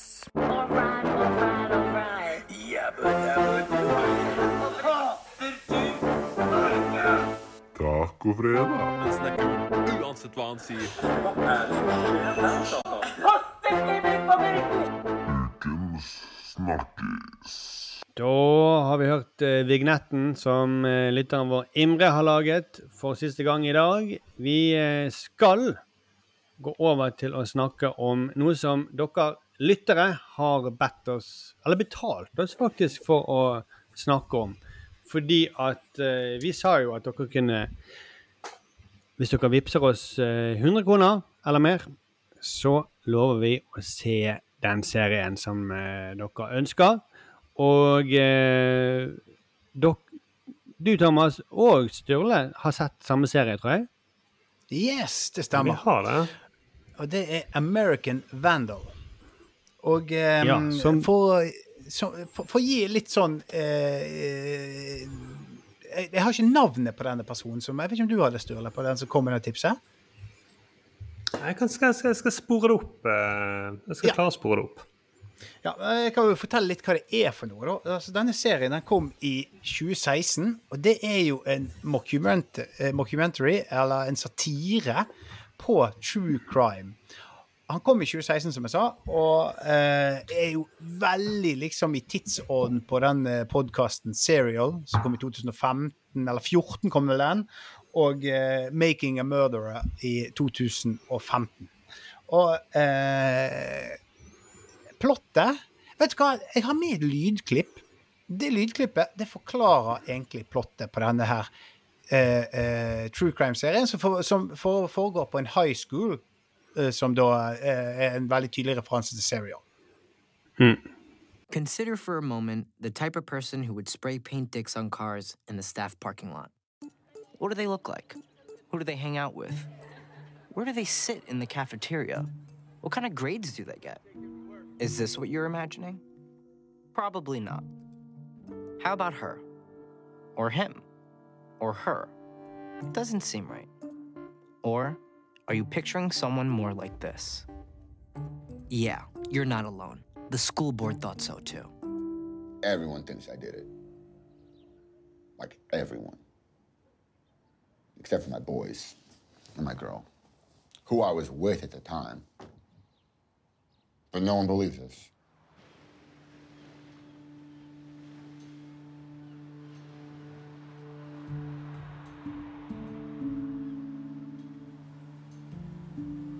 So here's what we know Tuesday, March 15th, 2016. It was an admin day, so no classes were held. 27 dicks were spray painted onto 27 cars in the staff parking lot of Hanover High School in Oceanside, California. It was horrible. I had to drive home with a big penis on my car. The children in the neighborhood saw it. I'll never understand what's so amusing about penises. Ok, Altså, Veldig tatt på kornet, den eh, tonen, da. det, og det er spot on, og den er veldig velprodusert. Eh, og eh, i sj- sjangertro.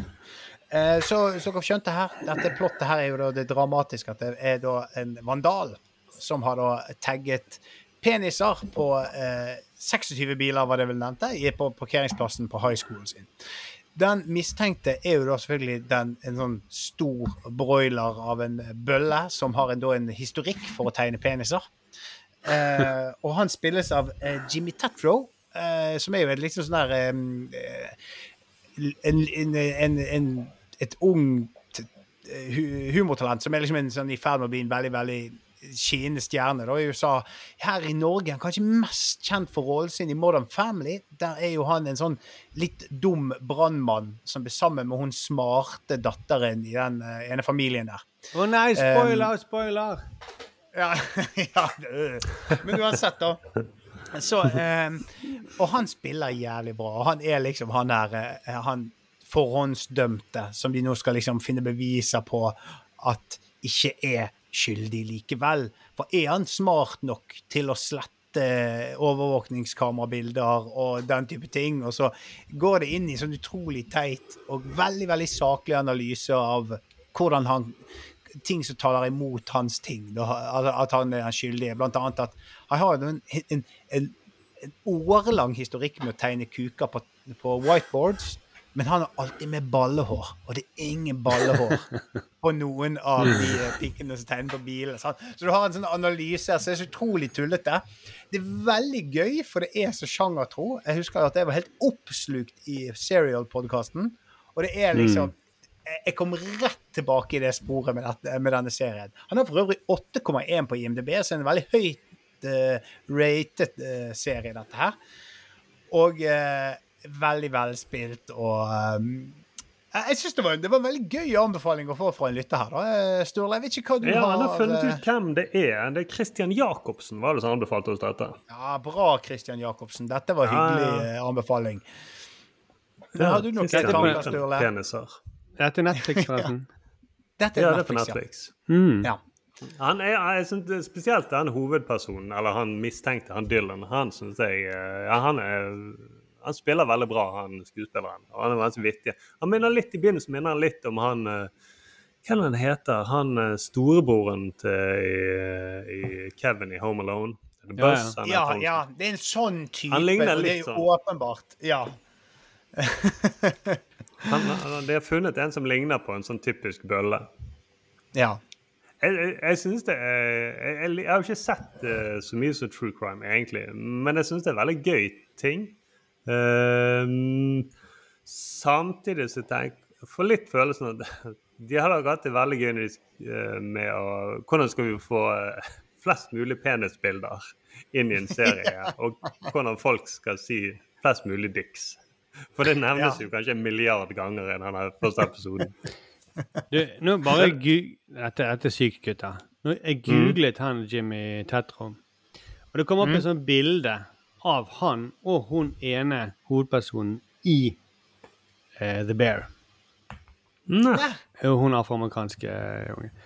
De spiller sammen i en serie som heter Theater Camp, som går uh, nå. Mm. Ja. OK. Sorry. Unnskyld. Ja.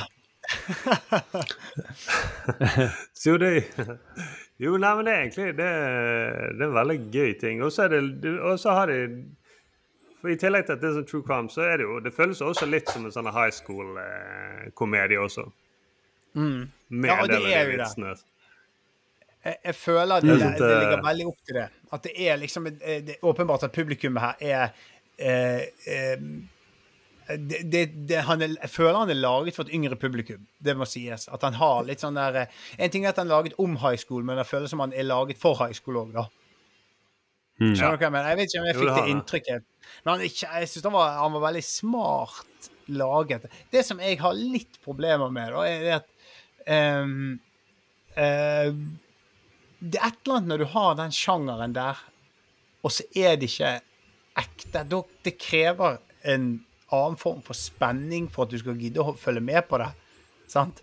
For det er en sånn fiktiv sak som dette her ehm, det, skal, det skal mye gjøres. Nå hadde de en veldig bra cliffhanger i den første episoden, da. Men eh, Ja. jeg sitter jo bare og venter på hvor tvisten. Han er jo skyldig. Altså, Jeg regner med at det er tvisten her. Skjønner du? Jeg har jo ikke sett det ferdig. Jeg har bare sett det en og en halv episode. Men jeg, jeg, jeg, jeg føler jo at eh, de, de bare motbeviser, og så kommer det fram at ja, han gjorde det. Og, han, og, og Det som er gøy med han Dylan hovedkarakteren, er at han syns det er veldig morsomt at noen har gjort det. Har tegnet pikker på biler. Det syns han er hysterisk. Det er helt genialt, men det er ikke han som har gjort det. Sant? Så det er noe men- sånn her eh, Men det er riktig. Det altså, sånn, eh, det er jo eh, det, Jeg tror det var vel det de fant ut i den The Onion. da. De lagde en sånn parodi på true crime. Ja. Så er det sånn episode to eller tre, så kommer han ikke lenger. Og så går han og snakker med noen sånn Han, han eh, fortelleren går og snakker med noen sånn dramakonsulenter. Hvor- Hvordan, ville, hvordan skaper man liksom spenning i en sånn uh, true crime-greie? Nei, nå er det, Hvis det er på slutten av episoden, sier den dramaturgen, da, så må det komme en skikkelig cliffhanger. OK, det må komme en skikkelig cliffhanger. OK, her er cliffhanger. Alt uh, dette som uh, jeg har snakket om, dette skjedde for ti år siden. Og så viser det seg da at han, etter de opptakene til de første episodene han, på den foregående småby, så har han blitt boende i den småbyen og blitt borgermesteren i den byen. Politimester Sheriff, tror jeg Ja. Ja, Ja, ja. Og så, og så han er plutselig liksom Så, så det er en sånn kjempetvist. For de gikk sikkert litt tom for framdrift. Så må de bare liksom Mm. tulle det helt til. Ja. Men Men de har, jeg sånn du kan høre den cliffhangeren. Eller Ja, den eh, bare med lydklipp fra den cliffhangeren. For det er veldig sånn high school-komedie. altså, hva- det som er gøy, det er hva de er opptatt av eh, på eh, Jeg føler nesten at det ikke burde vært high school, eh, burde vært mer ungdomsskole, egentlig. Eh, men da snakker de med en av de som har vitnet mot han Dylan. eh, som egentlig var liksom det nesten fellende beviset for lærerne at de skulle utvise Dylan. Men som denne personen da kanskje ikke kan eh, stoles på, for det. Han har nok eh, drevet og løyet og skrevet på seg en del andre ting. While Dylan spends his days delivering diapers and french fries, robbed of his senior year and potentially college, Trimboli walks the halls like a hero. But what if we can't trust him? What if he's not as reliable as a school board would have you to believe? What if he's a liar? So, Alex, tell me. Did you get a hand job from Sarah Pearson? Så han driver og skryter på seg at han har fått en handjob av Sarah. Mest sannsynlig. Så det er gøy at de drar det ned til sånne små ting som egentlig de i den alderen er veldig opptatt av. Mm. Og så er det det som brukes som sånne fæle beviser på at ja, det er ikke mulig. Man kan ikke gjort det. Så det er liksom Nei, det er ganske- ja, men det er ganske fint, det. Det er, det er mye bra, det er ikke eh, Men ja. Men det føles ut som du sa, det føles ut som det er laget for litt yngre folk. Ja. For at det er ikke nok at det blir så engasjerende. Nei, eh, det er det jeg merker med meg sjøl. Og at jeg, eh, så lenge det ikke er noe reelt her, så skal det ganske mye til for at jeg faktisk sitter og ser denne serien ut. Og så er ikke han nok sånn Han er så, han er så enormt sjangertro at det blir samtidig en svakhet her. Fordi at eh, i, Mm. for, i den sjangeren så skal det være et ordentlig mysterium. Men den så sjangertro, og så et falskt mysterium, så merker jeg at jeg sliter litt med å legge følelser i det, da. Sant? Ja, og så for det er ikke det For det, den sjangeren er ikke så kjedelig i seg sjøl. Det, det, det Ja. må være bra mysterium for at jeg skal gidde å se på det. Når det ikke er noe ordentlig mysterium, så Ja. Og så er det Men det er velspilt, det og så kan det være Nå skal ikke jeg eh, Han har jo veldig høy rating på IMDb, og det kan være det kommer en twist her som gjør at hele greien blir hysterisk morsom, eller det kommer noe fram. Men, men det jeg har sett så langt, er eh, Da mangler det den emosjonelle tilknytningen til materialet, da, fordi at de har valgt en så sjangertro stil. Det, men det er veldig Mm. tilfredsstillende som en TV-skaper å se noen bare stå i det kompromissløst og lage det på den måten de har gjort. Det er jævlig fett. Det skal sies. Det syns jeg er helt eh, enormt digg. At de bare liksom ikke viker fra det. Dette her er en så til de grader sjangertro. Eh, Det var jo li litt av det som vi balte med oss og Sturle når vi skulle lage sjangertro nyhetsparodi. Mm. Er at eh, for å lage komedie så trenger det jo noe mer enn bare noen som snakker. Hvis skal holde, sketsjen skal holdes lenge, da, så er det vanskelig å lage en sketsj som er morsom i fem minutter med bare to stykker som prater. Men på nyheter så er det jo interessant. Eh, for det, Ja. dette er aktuelt, og det angår meg. og sånn. Så da kan jo en, en journalist som bare står og prater med han i studio, være Så vi fant ut at vi må bare korte ned. Vi gjør det kort. Selv om alt skal liksom føles og se ut som nyheter, så må vi bare gjøre det kortere. Dobbelt så Ja. kort som et, eh, et vanlig intervju. Og så må vi prøve Vi prøvde jo hver gang å tenke sånn Kan vi få inn et visuelt joke her? Kan vi få inn noe eh, Et eller annet uforutsett som skjer? Eh, Eller en morsom grafisk løsning som litt over the top. Så, så vi måtte jo skru det til for at det skulle funke. Mm. En sånn Ja, kjedelig var sjanger. Ja, sant. For det, ja. Våre, eller det vi prøvde på, var jo at du skulle ta en eller annen form for vending. Et eller annet nytt som ikke man ville se, se komme. da. Men det er veldig sjelden at det er nyhetsreportasjer eller i, i intervju i studio at det kommer noe som virkelig vipper det den ene eller andre veien. Det Og- er ganske sånn rett frem. Og så, alltid, og så var det alltid vanskelig å komme på sånn, ah, vi må, Hva er det visuelle Kan vi komme på noe visuelt? Mm. det var vanskelig for oss å, å tenke, liksom. Men det var jo det vi måtte ha, uten at vi liksom kommer på noen kjempegode eksempler. Men veldig ofte var det bare at vi snak, fikk en veldig en, en grafiker av oss som er veldig flink til å lage Martin Aas heter han, som lager morsomme ting. Så vi klarte jo sammen med han å drodle fram en eller annen gøy grafisk framstilling av Som kunne se litt nyhet ut, men som også var tegnefilm morsomt, liksom. Mm. Ja. Mm. Jeg syns det var veldig morsomt uh, i sketsjen deres. De, da man får det, de visuelle gagsene der man får det demonstrert eller forklart i animasjon. Det er jo en kjempeenkelt grep som er veldig morsomt. Så ja. Eh, Ja, jeg tror det vi får mest latter på, er sånn, der vi hadde en sånn sketsj om at eh, eh, rotete felles kjøkken eh, kan løses Eller forskerne er enige om at rotete felles kjøkken kan løses ved hjelp av eh, 'mora di jobber ikke her'-lapper. eh, så, og så er det sånn Sånn fungerer det. Så er det sånn teit, sånn dårlig framstilling av en sånn menneskelignende figur som kommer inn på kjøkkenet, ser lappen, ringer til sin mor, får bekreftet at den moren jobber ikke der.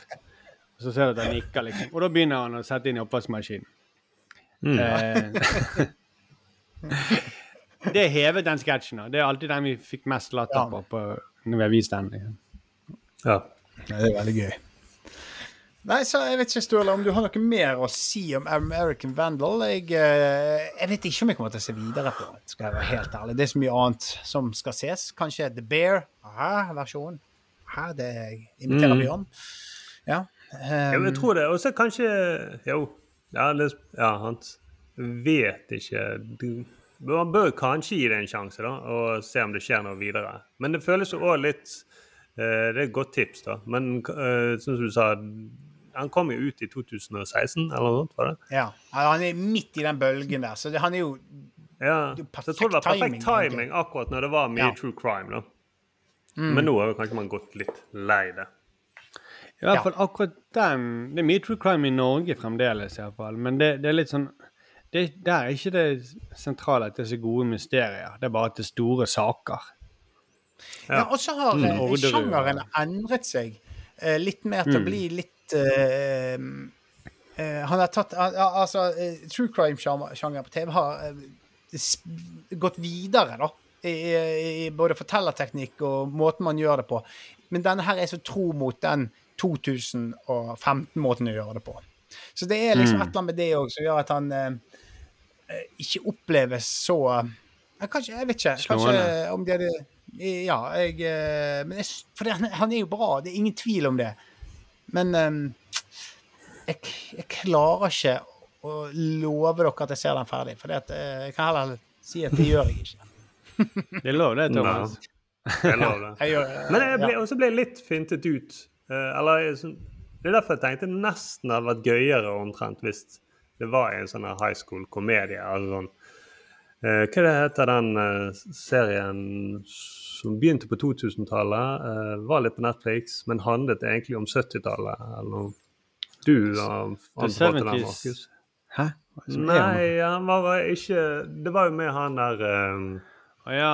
Eh, Freaks and Geeks. Freaks and Geeks, ja. Mm. Det kunne nesten vært en 80-tallet. Ja. Mm. Ja, begynnelsen av 80-tallet. Ja. Det kunne nesten vært en sånn serie, men da kunne de hatt sånn true crime inni det. Fordi at Mm. nå i den her, eh, de som etterforsker denne eh, kri krimsaken, da, er jo Det er jo bare to barn omtrent som går på skolen til Ja. Dylan. De går jo i de samme medieklasse, eller eh, ja, de på De Så har dermed også blir det sånn at det føles ikke så viktig heller. Nei, sant. Ja. At det Ja, det er nesten det- det er det- nummer to som skal løse dette. Ja, for det er to stykker fra Shit, han. Dylan, er kameramann på liksom skolefjernsynet. Og eh, det, Mm. det er jo to andre i den redaksjonen som skal prøve å finne ut om han har gjort det eller ikke.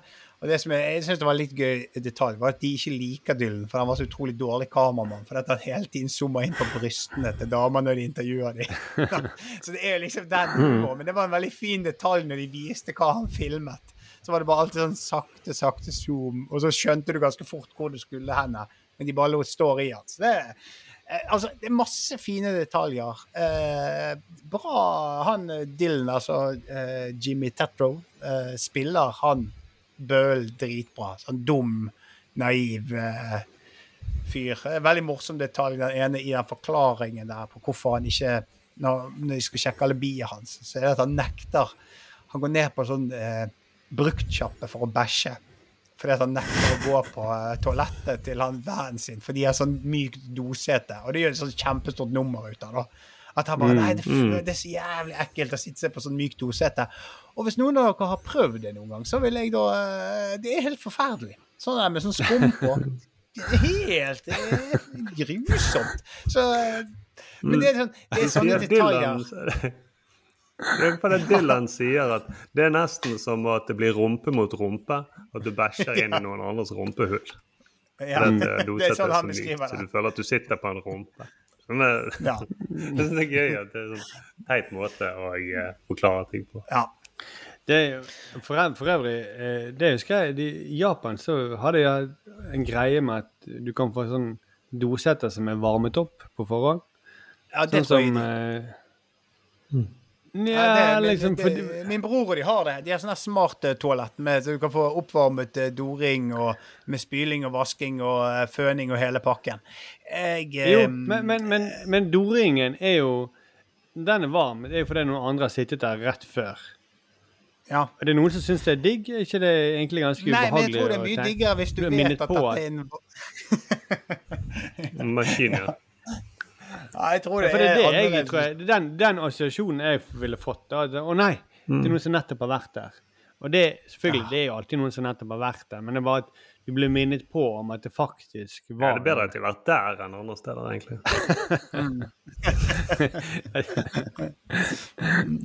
Og så kan du få sånn lukt, sånn som det minner om eh, hvis noen har bommet på kanten, da, liksom. Ja. Mm, så kan du få en sånn kremtelyd, da. Som om det er noen som sitter der fremdeles. Eller rett ved siden av. Rett ved siden av. Jo, men jeg skjønner jo det. Det er digg hvis Jeg ville gjerne hatt den der eh, sånn oppvarmet sete hvis jeg eide en hytte. Det, for der på hytter er det jo iskaldt ofte eh, på doen. Så ville jeg hatt det, men jeg er helt enig med det du sier, Markus. Det kan føles som det er noen som nettopp har sittet der. Jeg tror det var det mye første jeg ville tenkt. Mm. Ja, men hvis du hadde kjøpt det- toalettet, og du visste at han har den funksjonen, så tror ikke du hadde nødvendigvis dratt at sånne, hver gang du gikk inn der, så bare Nei, faen, noen har sittet her. Da vet jo du Da har du gjort et valg med å varme opp toalettringen. Mm. Er det Hvis du har en timer, for eksempel, at uh, han har også display sist brukt, og så ser du at det er 16 timer siden. Ok, Jeg ville brukt litt tid på å komme over de assosiasjonene, men jeg ville sikkert fått andre assosiasjoner til varm doring etter hvert. Men det ville ta Ja, ja. lang tid. Mm. Men fra til broren til Thomas, da? Var det en bror av de som hadde det? Var det? Ja. Eller Ja. Men da kan det være at når han går på offentlig do, så blir, føler han, slapper han veldig av hvis noen nettopp har vært der og varmet opp for han. Ja. For han har brukt så mye oppvarming til doer. Det kan jo være. hjemme. Mm. Ja. Og jeg tar den doen som han der ene kom nettopp ut fra. Han synes han har sittet lenge og presset. Det er sikkert varmet opp for meg. Har din bror sånn også sånn at han for doringen blir litt sånn våt og klissete? Eh, funksjon. Ja, Men det er alltid det er sånn gule du spryter flekker litt vann. Ja. Men så lenge du vet at de gule flekkene er laget av en maskin, så er det ingen problem. Mm, for det var sånn konditorfarge eller sånn, fargestoff. Ja, Ja, så lenge du vet det. det. brune bæsjeflekker og bremsespor nedover i toalettet. Det er jo lager det automatisk. Ja, så for ja, for det, de er der egentlig ikke. Det er bare sånn her liten uh, lyskaster som lyser ned som brunt lys. Så lenge du vet det, så er, så er ikke det ekkelt. Nei. Nei, nei, nei. nei. Alltid litt blod her og der òg. Ja, det er vel rødt lys, da. Så du er en brun pære og en rød pære. Og det er alltid en, ja. ja, en rotte som kravler rundt. Men det, du vet at det er ikke en ekte rotte, så da er det digg. Mm. ja, nå er det sykt digg. Kommer ut av en luke ut av doen. Og glefser etter rumpene. Mm. Men det er bare sånn at du går Ikke sitter for lenge på do, da. Ja, det er bare digg. Jeg tenker dere må, Ja, det kan være jeg digg tenker da dere må inn i. VVS-bransjen her, altså, for her har dere en fremtid. Det er dette dere skal gjøre. Ja, Ny Bro har jo alt dette, tydeligvis. Kanskje det? det er VVS eller W. Det er så. Skjønner helt det verste. VVS. Varme, vann, varme, sanitet. Å oh, ja, er det der din bror eh, jobber, eller? Eller eh, Eller jeg tror det var BD. Jeg er sønn av en rørlegger, da. Hæ? Du Jeg sønn er av sønn av en rørlegger? Ja, ja, ja. Sånn der, du eh, kan- dette kan jeg. Det, nei, Ah, det Kan du jeg det? Nei, jeg kan ikke noe. Kan Vi må lage en dopodkast istedenfor, tror jeg. Å, herregud, vi kommer til å bli millionærer. Åh, Ja, det er sikkert mange som er opptatt av do. engelsk, Ja, da må vi snakke Alle går jo på do. Alle går jo på do Ja, hver dag. Mm, selv de Det mektigste går på do. Putin og Biden går på do. Ja, det er jo en veldig demokratisk ting med menneskene at alle går på do. Så dette er noe som alle Mm. kan høre på. Alt fra, som du sier, FN sin eh, generalsekretær til lille Thomas Teige. Mm. Kanskje eneste de som ikke er to år. Opp til to år går ikke på do, og så de som er veldig gamle, går heller ikke på do. kanskje. Men da kan vi la oss er det er veldig mange vi kan nå. Men vi Ja, kan men det ha en kan vi jo sånn, lage sånn de, de er jo sikkert interessert i Små barn eh, de er jo veldig interessert i det som foregår på do. Så de kan jo høre på for å Altså, min sønn står nå og ser på meg når jeg står eh, og tisser. Veldig nysgjer- nysgjerrig og vil trekke ned. Selv om Men- ikke han går på do. Og Nei, gamle men- folk har jo gått på do, så de kan jo mimre. Ja, se tilbake til den lykkelige tiden. Men jeg gleder meg til vi skal sånn Mm. eh, Vi kan jo la oss inspirere direkte fra Ørneredet. Vi kan ha sette et kamera på et toalett, og så kan vi bare være på hele Direkte, ja. tiden. Ja, på din brors, doen. din brors toalett. Ja, det- vi, kan høre med han. Vi kan høre med han. Mm. Og så kan vi, hvis vi vet at uh, når broren sitter på do, så kan vi, vet vi om Thomas har besøk eller ikke, for da hører du Phil Collins i bakgrunnen. Thomas løper løpet av etappene. Men Mm, det, og så kan det være sånn at, Visste du at den ene episoden av eh, Do-podkasten, eller Do, direkte Do eh, med broren Thomas, var faktisk one take? Mm. Ja, er Jævlig, jævlig fascinerende. Men eh, 47 minutter. Ja, one take 47 minutter. Shit. Så da må, men da må de jo klart å, da må de ha en eller annen sånn varmeelement, og så holder det varmt i 47 minutter. For hvis du føner håret i 47 minutter, så tror jeg hårføneren blir ødelagt. Det blir for varmt, denne plasten som holder det rundt. Og så sykt Altså, de er godt de har timet det, liksom. Det med at, eh, at eh, akkurat når han tørker seg, så Mm. kommer hun inn for han har glemt å låse døren. At det blir akkurat Det er jævlig bra gjort etter 46 minutter. Mm. Ja, Thomas det... løper inn. Er det her det er Phil Collins? Og så, Oi, beklager. Løper Her er tekniske problemer.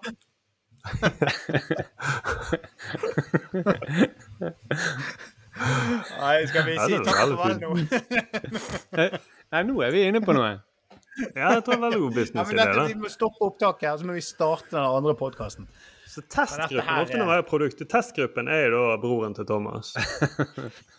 Hvis- Hvis han vil se på seg sjøl, er det det du mener? Ja, og hvis han eh, går god for det, da. Han tenker at dette er, din, dette er noe jeg har lyst til å se på og bruke. Så Bruke tenker vi ha ja, ja. ja, for vi selger ikke bare doen, du bare tenker å selge bare videoene. Nei, jeg tenkte ikke på å selge doen i det hele tatt. Men jeg var, tenk, tenkte på den direkte eh, Ja, direktesendt. direkte. Det er kanskje billigere også, egentlig. Slipper vi å bygge do. Ja, Har vi en do, veldig high class do allerede som vi kan bruke? Ja. Eller Thomas sin bror? Ja. Vi har jo det. Vi kjenner av faren som er rørlegger. Hvis det blir noe problem, så kan jo faren til Thomas komme og fikse den doen òg. Ja. Så vi får jo Mm. vi har alltid sikret at det blir en episode. Det Ja, var han det alltid- varmeelementet far er kommer inn som varme, Kramer. så broren svir seg. Så får vi min far kommer inn på toalettet som Kramer og sånn, smeller opp døren, og så har han rørtangen igjen i hånden. Og så må vi må gi ham en catchphrase. Din Ja. far eller du? Her er du. Du, du, du er også litt Kramer-aktig. Løper inn. Ja, du kommer inn ikke med en rød- sånn der eh, verktøy, men med telefon. Og så driver du og tar opp og ned headsetet. Mm. Er det her det kommer lyd? Hører du lyd? Tekniske problemer, Thomas. Eh, Mm. Og der kommer tekniske problemer, Thomas. Ja, det, det funker. Jeg, eh, apropos samling inn på doen. Jeg må bare se om katten. Det hørte noe mjauing her borte i sted, skjønner du. Min svigerfar han er jo eh, altså en alt mulig fiksemann. Eh, snekker og nesten rørlegger. og sånt. Men han, når han skulle få innlagt Men han, han, er, han er så irritert, for han mener at han kan jobben bedre enn rørleggerne og elektrikerne. Men han må få de inn for å gjøre sin, føre den jobben fordi at de er sertifisert. De har våtromssertifikater. Mm. Så når han skulle legge inn eh, sånn varmtvann i sitt hus, som han bygget fra grunnen, så hadde, var han så forbanna på han rørleggeren, for han hadde blandet eh, varmt og kaldt vann. Eh, sånn at eh, det ba kom bare kaldt vann i springen, og så kom det kokende vann i do. Men det kokte jo ned, det boblet. Det var Så koker bæsjen i den på vei til å Ja, man stinket så sykt. Ja, det må Det kan være en annen serie. Det er komi, komiserien eh. Ja. Mm. Ja, det er veldig, veldig se også. Men jeg tror broren til Thomas som spiller i den også. Ja, varm, ja. Kanskje han har fiksjon som Ja. varmer opp uh, bæsjen. Mm, ja. Ja, men da, eh, da er vi ferdig med dosnakk. Vi, vi, eh, vi skal, skal vi prøve å få til en episode til før, eh, før det blir eh, høst? Ja, det klarer vi. Før det blir høst, ja. uke? Mm. Ja, vi må se litt Ja. på det. I, I løpet av Ja. sommeren så skal vi få det til. Men prøve i løpet av sommeren. Mm. En god Tusen plan. takk til alle som har eh, sendt inn American Vandal. Eh, Gøy og interessant tips. Eh, men eh, Ja. Thomas og Sturle ble ikke helt solgt. The Bear må dere se. Den kommer eh, Ser dere opp før sesong to kommer. Og så neste gang er forhåpentligvis eh, Arild med igjen, da. Det blir spennende. Altså. Mm. Slags klipp. Ja, jeg tror, ja, jeg tror vi må sette ut noen rykter mot Arild, sånn at han får sparken i NRK og så kommer tilbake til oss. Ja. Jeg tror det er det eneste, mest naturlige. Ja. Jeg vet ikke Arild er sommeren til, bruker sommeren til å pønske litt hva det kan være, da. Ja. Arild driver og skryter av at han fikk en håndjobb av kringkastingssjefen. Ja. Det, er det, kan vi si til kringkastingssjefen at Arild tegner den jødesvinsketsjen? Hva er det vi Nei. Vi får tenke på det. Bruker sommeren til å tenke på det. Ja, jeg tenker på det. Tenker på det. Ja. Mm. OK. God sommer enn så lenge. Ha det bra. God sommer. Ha det.